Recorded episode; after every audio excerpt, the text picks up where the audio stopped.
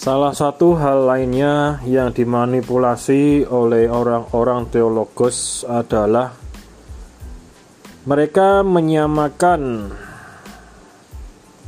melayani Tuhan yang sebenarnya menyamakan dengan melayani organisasi. Dan di dalam tiap khotbah itu hal macam ini jarang berani disampaikan. Melayani Tuhan itu beda saudara-saudara dengan melayani organisasi agama. Melayani organisasi tempat ibadah itu berbeda. Allah Tuhan itu roh. Roh itu tidak dibatasi oleh ruang dan waktu.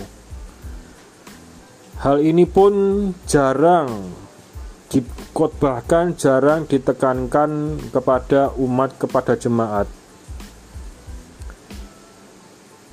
Karena apa? Karena untuk menyusun kekuatan massa, untuk menggalang kekuatan yang mensupport pelayanan, bisa menyelenggarakan banyak acara dengan biaya tenaga yang murah. Sangat murah. Lagi-lagi saya yang sampaikan ini adalah bahwa banyak kegiatan-kegiatan agama yang sudah diboncengi oleh Lucifer. Manusia itu lemah. Banyak juga yang tidak menerima dan tidak memahami harus melayani yang bagaimana, harus melayani siapa, dan harus melayani di mana yang sesuai dengan kehendak Tuhan. Sibuk terus, habis waktu, hanya sedikit untuk keluarga sendiri, dan akhirnya keluarga sendiri berantakan, terjadi problem, terjadi bencana, dan lain sebagainya. Banyak juga pemuda yang sibuk yang dikatakan melayani pelayanan. Pelayanannya bagaimana? Pelayanan di tempat ibadah. Pelayanan tempat ibadah itu apakah berarti melayani Tuhan? Banyak sering pelayanan di sana ternyata Tempat ibadah itu tidak ada kuasa Tuhannya, hanyalah suatu bentuk organisasi manusia. Banyak manusia-manusia teologos diduplikasi, dimultiplikasi tanpa kuasa Tuhan. Banyak tempat-tempat ibadah di sana bergentayangan anak buah iblis. Bahkan ada pula tempat-tempat ibadah yang jelas bermanifestasi iblisnya. Itu adalah bukti bahwa teologos hanyalah logos, sedangkan Tuhan adalah roh. Banyak orang tua yang sempat mengeluh kepada saya bahwa anaknya terlalu sibuk pada urusan-urusan di tempat ibadah dalam arti mulai berubah karakternya tidak atau kurang peduli kepada acara-acara keluarga. Dan ketika orang tua itu berbicara masalah ini kepada gembala, menyalahkan kembali kepada komunikasi orang tua dengan anak. Padahal yang dimaksudkan orang tuanya adalah agar gembala ini memberitahukan kepada organisasi yang di dalamnya itu untuk membatasi kesibukan seorang pribadi agar tidak terlalu sibuk dan memperhatikan keluarganya juga. Hal macam ini sudah sering saya jumpai, terutama pada orang-orang teologos yang berbisnis agama menggunakan agama untuk berbisnis. Mereka tidak sungkan-sungkan untuk mengeksploitasi tenaga manusia mengeksploitasi manusia menjadi multitasking yang mengurus banyak hal. Kalau bisa dimanfaatkan akan dimanfaatkan dalam banyak hal. Hati-hati saudara-saudara sekalian.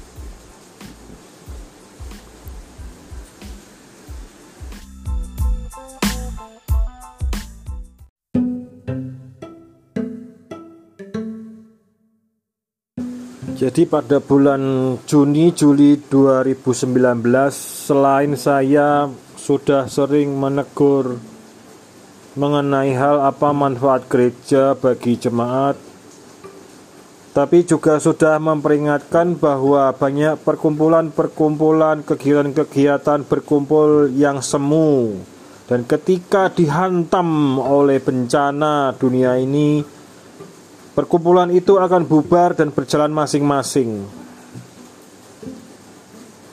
Itu benar terjadi.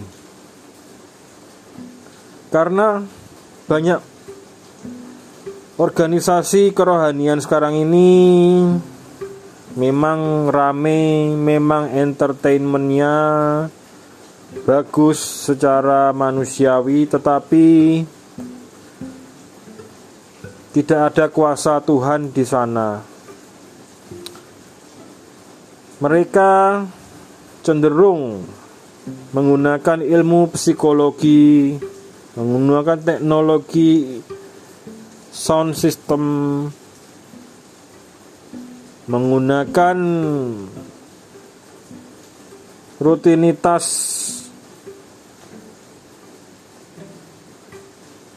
Tapi semua perkumpulan itu menjadi semu karena tidak ada kuasa Tuhan, tidak ada tanda-tanda yang menyatakan kuasa surga. Saya berbicara ini dalam konteks besar yaitu Lucifer yang memboncengi berbagai macam kegiatan manusia termasuk terutama kegiatan-kegiatan yang sudah dibangun oleh para teologos.